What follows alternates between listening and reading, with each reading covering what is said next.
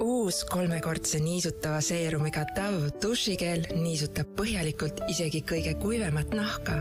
juba üks dušikord muudab sinu naha pehmemaks, siidisemaks ja siledamaks. vali Dove dušikeel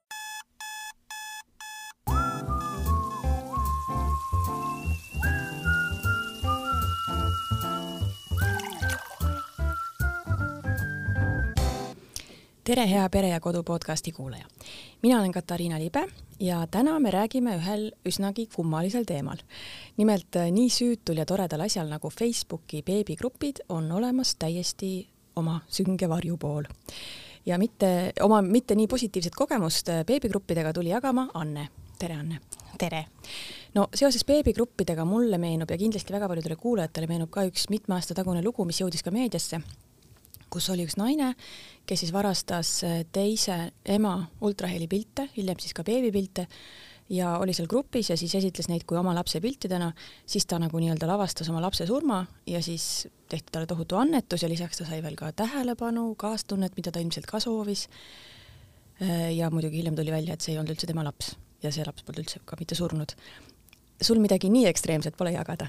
ei, mul midagi nii ekstreemset ei ole jagada ja eks see lugu just, äh, mis sa, mis sa rääkisid ja mida ma ka väga hästi mäletan, kuna see meediast läbi jooksis, äh, see lugu sisaldas endas ju nii palju erinevaid elemente, et tegelikult kõik see, mis puudutab üleüldiselt äh, autoriõigusi või mis iganes nagu inime-, inimese isikukaitse, seaduse õigusi ja nii edasi, lisaks siis sellele beebigruppide teemale aga see, mis mina kogesin äh, oma esimese lapsega beebigrupis, oli äh, pigem selline äh, psühholoogiline vast võib-olla, ma olen väga palju selle peale mõelnud tagantjärele ja analüüsinud seda enda jaoks, et miks ma lasin kolmekümneaastaselt endale nii haiget teha, aga ma olen jõudnud ka järeldusele, et tegelikult kui sa oled äh, noor ema, värske ema, ja sa ei ole võib-olla varasemalt äh, ühtegi sellist äh, lapse saamise sarnast kogemust läbi elanud ja sinu tutvusringkonnas ei ole mitte ühtegi äh, lähedast sõbrannat või sõpra, kellel oleks parasjagu ka käsil samasugune eluperiood.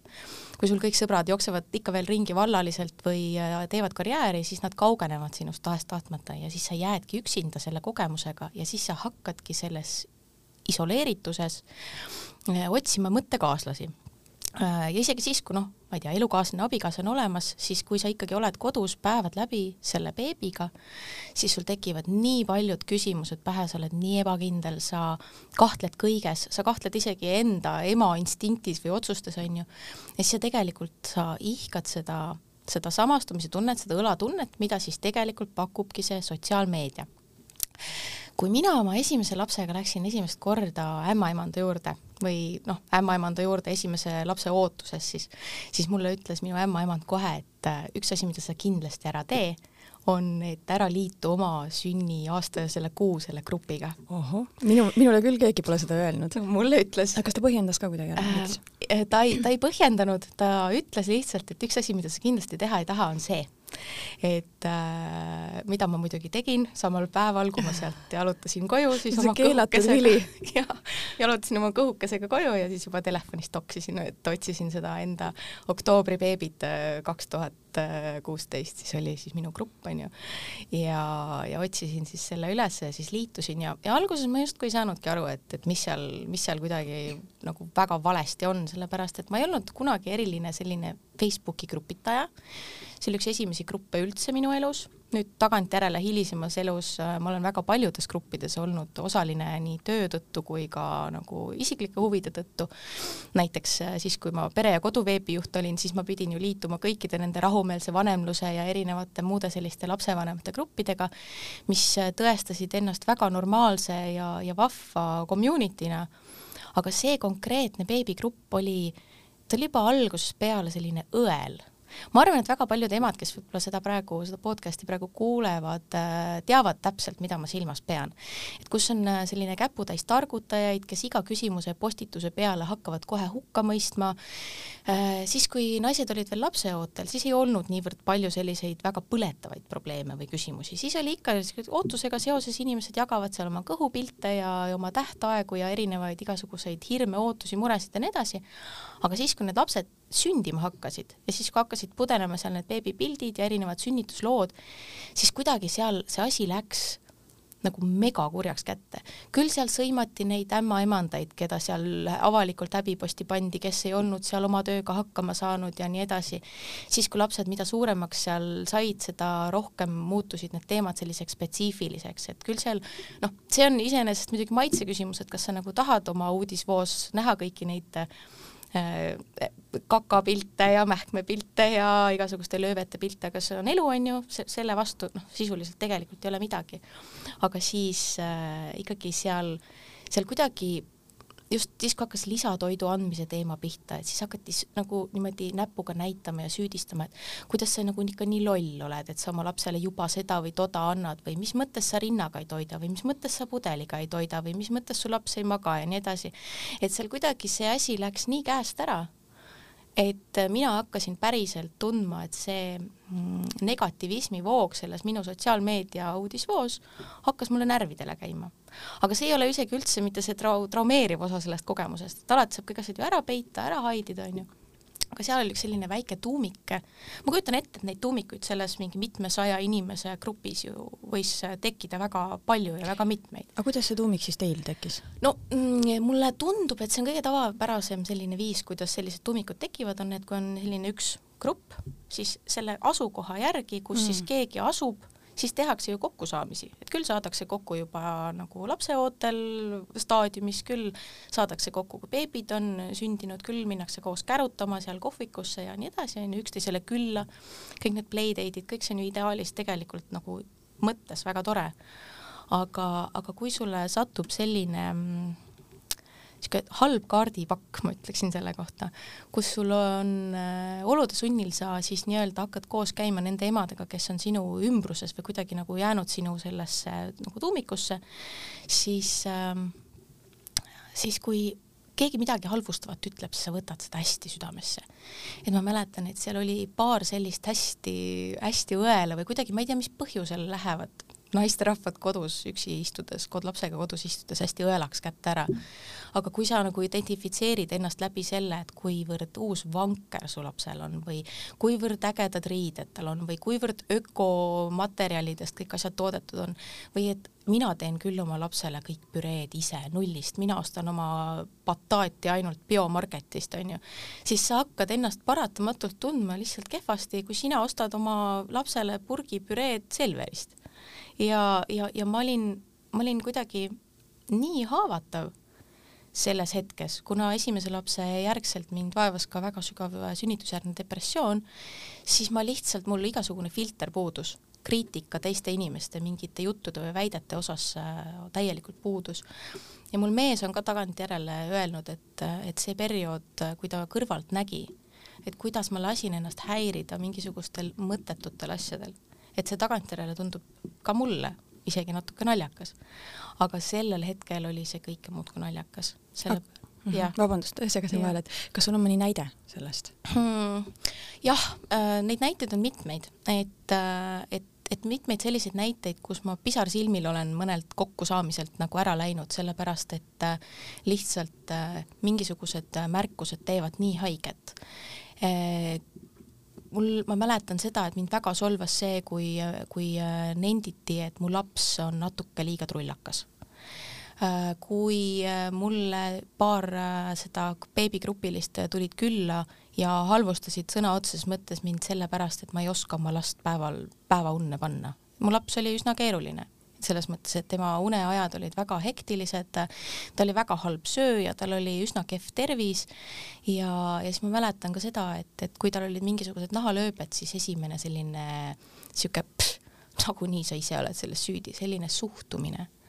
et see ei olnud enam toetus, vaid see oli selline, et ma ei, ma ei pääse teist mitte kuhugi ja see asi viiski selleni, et ma, kui laps oli umbes aasta kolmekuune, aasta neljakuune, siis ma lihtsalt äh, lahkusin sellest beebigrupist ja sellest chatist nende inimestega ja ma ei ole neid enam oma hilisemas elus äh, peaaegu mitte kordagi kohanud. et äh, kuna see töö, mida ma teen, on selline, mis tegeleb lasteriietega, siis paar tükki nendest on tulnud sooduskoodi lunima, aga, aga rohkem midagi, et selles mõttes ma, ma ei ole iialgi olnud rohkem õnnelik ühegi inimgrupi oma elust välja lülitamise üle kui selle grupi siis sellest grupist lahkumise üle. aga mis, mis kindlasti oluline on, et minu kogemus ei pretendeeri mingisugusele universaalsele tõele.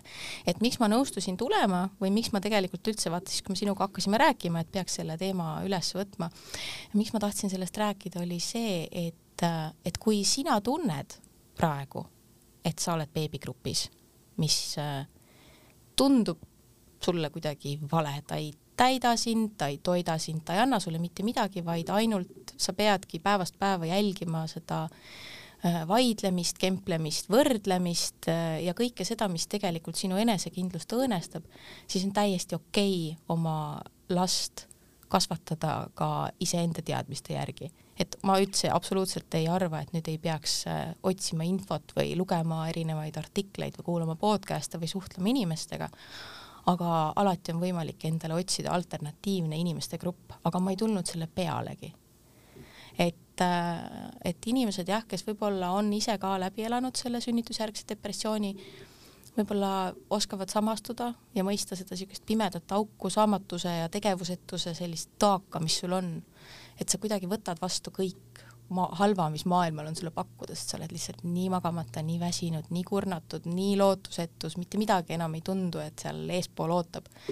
et, et kuidagi see võiks olla see asi, millest aitavad üle saada sellised äh, emade grupid. aga kummalisel kombel võib juhtuda nii, et naisterahvad ei tõsta üksteist, vaid tõmbavad üksteist hoopis maha mm. -hmm. ma ütleks vahele ka selle, et, et tõesti sellel teemal äh, natukene ka arutledes ütles üks kolleeg, et, et temal on väga positiivsed kogemused, tema on saanud mitu väga head sõbrannat beebigruppidest, et selles mõttes tõesti, et me siin ei taha kuidagi maha teha neid, aga ma arvan, et neid äh, kogemusi on, on mõlemasuguseid. ma tahtsin küsida, kui palju selles tuumikus siis oli naisi? kümme. kümme, see on päris suur seltskond ikkagi. see on päris suur seltskond ja sellel, see, see oli nagu ma tagantjärele jällegi mõelnud, et see sarnanes natukene sellisele koolikiusamisele, et sul on selline populaarsete tüdrukute grupp, kus on selline üks-kaks äh, nii-öelda sellist äh, nööritõmbajad, kes siis äh, set-, sätivad selle, selle tooni, et kuidas, et mis on siis nagu trendikas, mis on see nii-öelda see asi, mille, mis on õige ja siis teised kuidagi üritavad äh, siis sellele standardile kuidagi vastata. et äh, tagantjärele ma olen aru saanud, et väga mitu naisterahvast sellest grupist tundis täpselt sedasama, mida mina. ja see tuumik ei ole enam koos. aga millest sa seda aru oled saanud mm,? nagu ma ütlesin, siis äh, mõnega ma olen hilisemal ajal ka äh, põgusalt kokku puutunud ja noh, kasvõi selle järgi, et küsida, et kuidas, kuidas läheb või, või ma ei tea, kuidas nendel läheb või kas sa seda umbes mäletad, siis tuleb selline oh ei, ei, ei, ei, ei, ei, üldse ei tea, kuidas neil läheb, et jumal tänatud, et, et nendega enam ei suhtle. et, et ma, ma, ma saan aru, et see nende jaoks, kellel on väga positiivne beebigrupi kogemus, võib tunduda uskumatuna, aga see on täpselt nii nagu inimsuhetega ükstapuha kus või, või, või, või mismoodi või millises keskkonnas, olgu see töö või olgu see kool või, või siis see beebigrupp, eks ole, et inimesel on alati võimalus valida endale neid inimesi, kellega ta suhtleb, et ta ei pea olema laulatatud kokku siis selle beebigrupiga, isegi siis, kui seal on halb olla.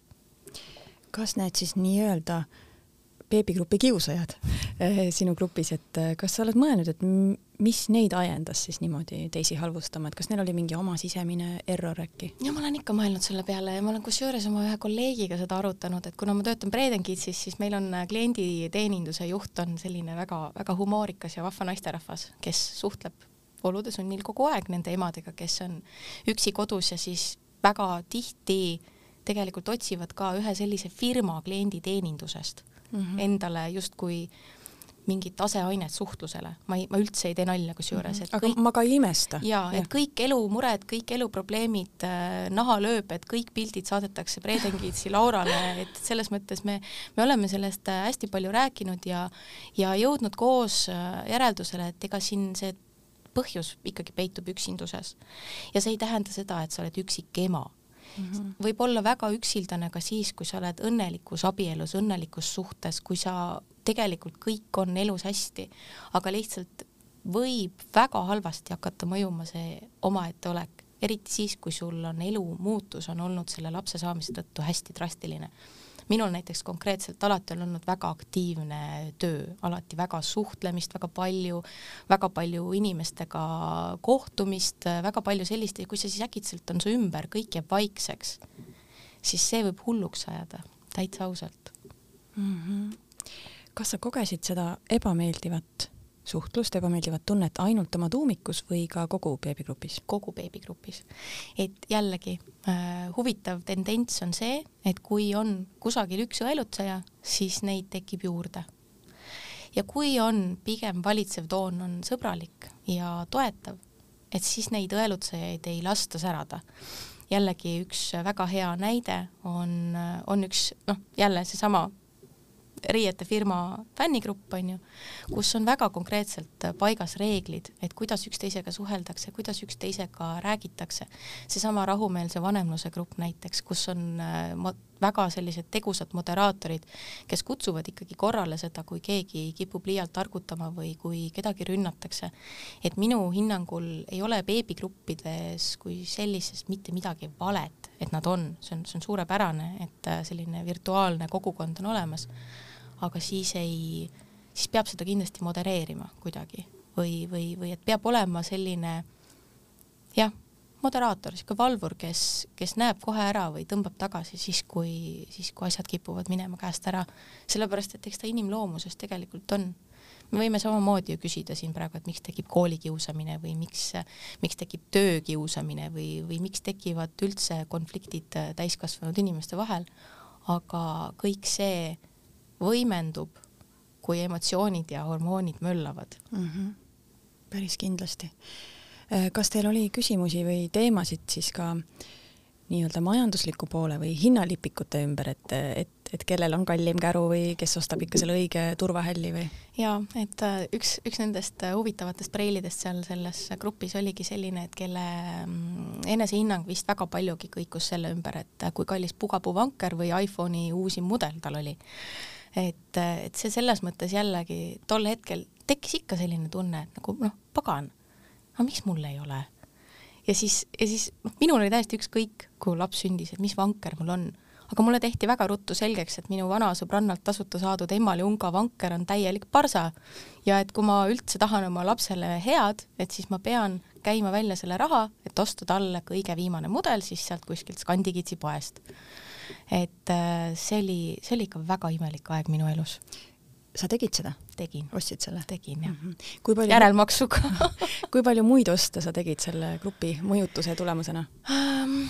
no ütleme niimoodi, et ma biomarketist brokolit ostma ei hakanud, et seda ma ei teinud, aga, aga ikkagi selline valik kuidagi, ma ei ütle ka, et see on halb, kui keegi harib sind selles osas, et millised materjalid on, on lapsele kasulikud või, või, või ohutud või aga, aga selle eest maksta lihtsalt, et mis on mingisuguse asja välimus või muster, kui see on laste riie või ese, siis äh, ma sain selles mõttes tänu sellele väga ruttu teada, et äh, väga paljudel asjadel ei ole hinnal vahet.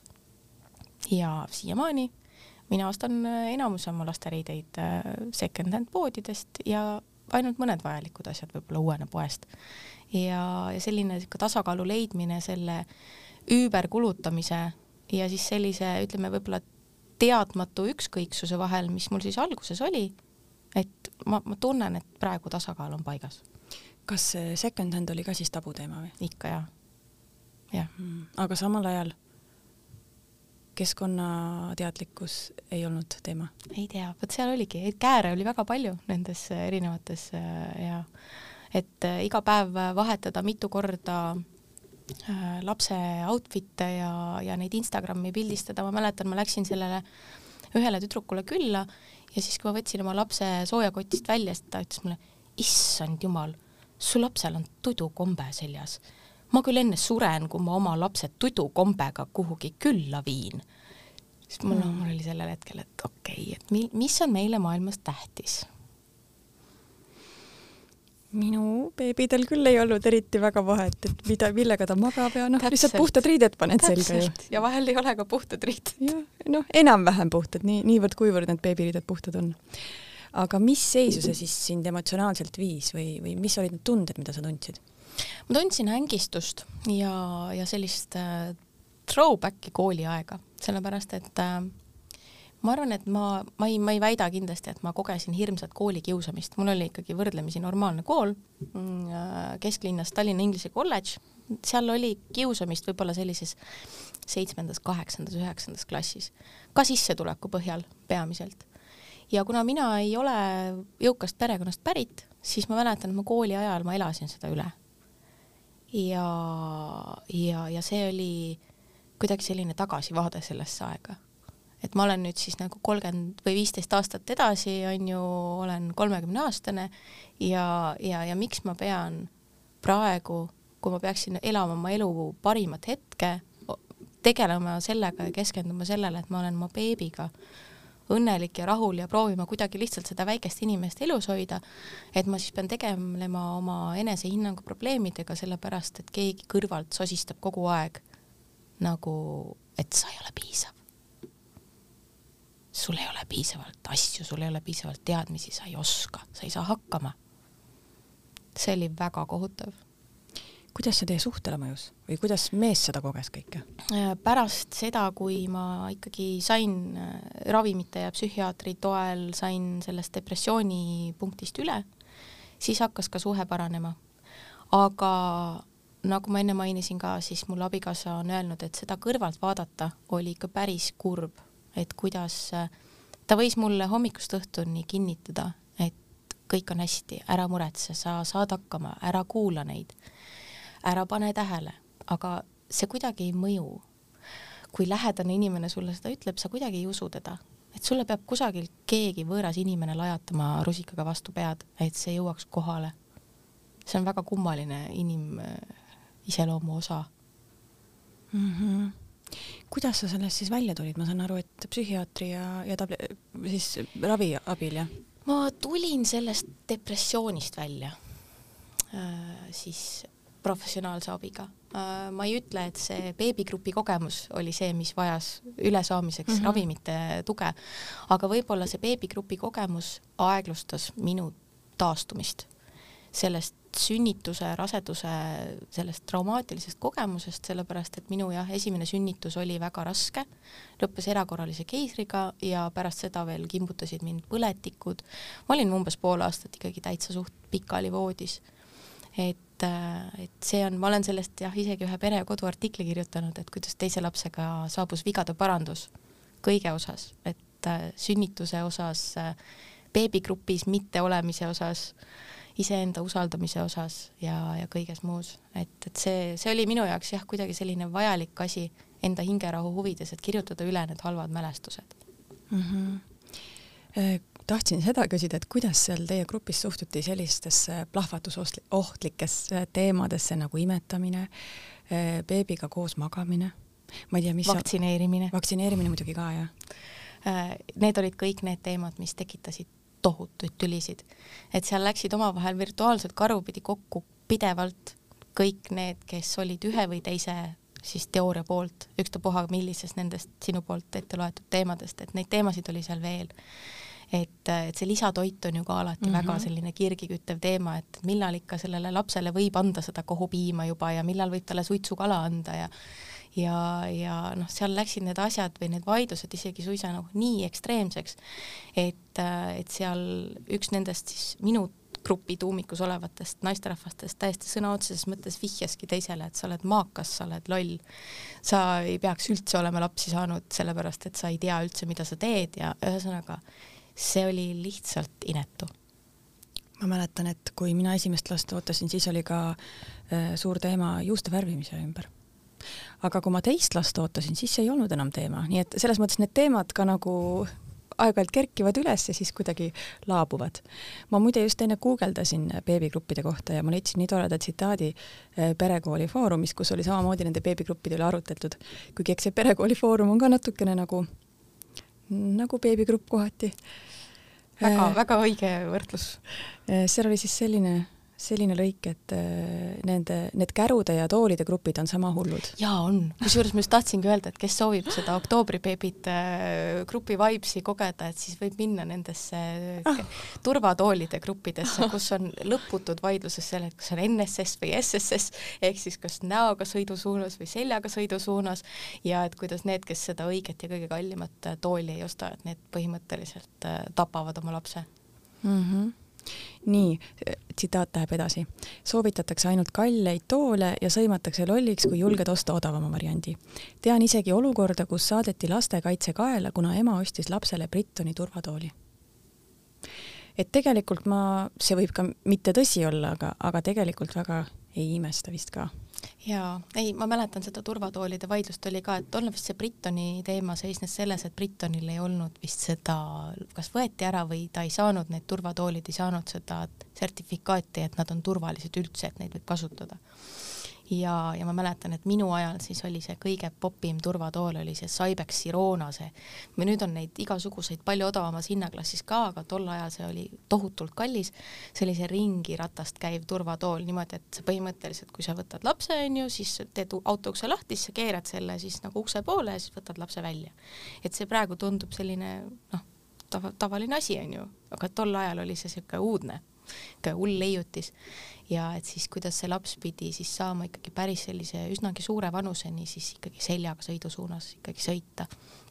et ma mäletan jah väga seda, et mina panin oma lapsed suhteliselt vara, varakult juba nagu näoga sõidu suunas sõitma. ma ei, ma jumal tänatud ei ole saanud kogeda seda, et mis juhtub siis, kui on autoõnnetusega, ma ei tea. peaks olema ju ikkagi kõikidel turvatoolidel ju need sertifikaadid, asjad, et et see oli jah, ka üks selline väga kergeühtev teema mm. -hmm mina olin ise ka teise lapsega siis korra seal grupis ja minul oli tegelikult selles mõttes positiivne kogemus, et ma sain nagu igale küsimusele väga kiirelt vastuse, aga ma nagu noh, ma ei ole ka Facebookis võib-olla nii aktiivne, et ma nagu ei jäänud seal väga aktiivselt suhtlema, aga mulle meenub üks nii-öelda negatiivne kogemus küll oma seal grupis, et seal juhtus siis selline lugu, et üks naine siis kirus oma meest väga, väga tuliselt. Ja tuli välja, et seal grupis oli siis üks tuttava tuttav või tuttava tuttava tuttav, sest seal oli ju, ma ei tea, ligi nelisada inimest, viissada inimest võib-olla. ja muidugi siis see kanti sellele mehele ette.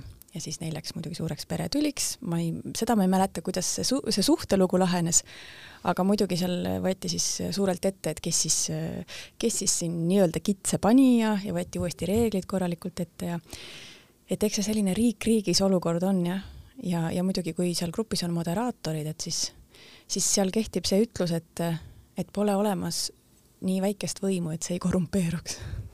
seda küll, jah. aga samas ma tõesti ütlen seda, et et, et ma sain väga paljudele küsimustele väga kiirelt vastused, minu kogemus on positiivne, et kas sa said, kas sul on ka mingeid nagu positiivseid mälestusi sellest grupist? ma arvan ikka jaa. Äh, selles osas öö, olen, kirjutan kahe käega alla sellele, mis sa just ütlesid, et väga paljudele küsimustele saab vastuse siis, kui ilma, et sa ise küsimust küsiksid. Et sa vaatad lihtsalt, et keegi küsib juba selle küsimuse ära, sest lapsed kõik enam-vähem ju sama vanad, on ju, keegi küsib juba selle küsimuse ära ja siis sa vaatadki sealt lihtsalt vastuse, et see selles mõttes, et see rahulikult nendes gruppides vaikiv liige olla, ma arvan, ongi see ainus lahendus, kuidas võib-olla enda seda hingerahu säilitada. aga mind jah, kuidagi see suhtlemise vajadus ajas suhtlema ja see negativism murdis maha. et inimesi on erinevaid, inimeste tugevuse astmed on erinevad, et võib-olla mõnel on ükskõik mm. -hmm. aga, ja inimestega erinevates eluetappides see haavatuse tase on, haavatavuse tase on, on ka erinev. et jällegi veel kord ütlen, praegu tagantjärele tundub ajuvaba, et sellised asjad läksid hinge või et selliseid asju on üldse võimalik südamesse võtta, isegi teise lapsega seoses. ma juba olin niivõrd enesekindel, ma juba olin kõik need asjad läbi teinud, et ma sain ka võib-olla natukene aru, mida tundsid need emad nendes gruppides, kes olid olnud need targutajad.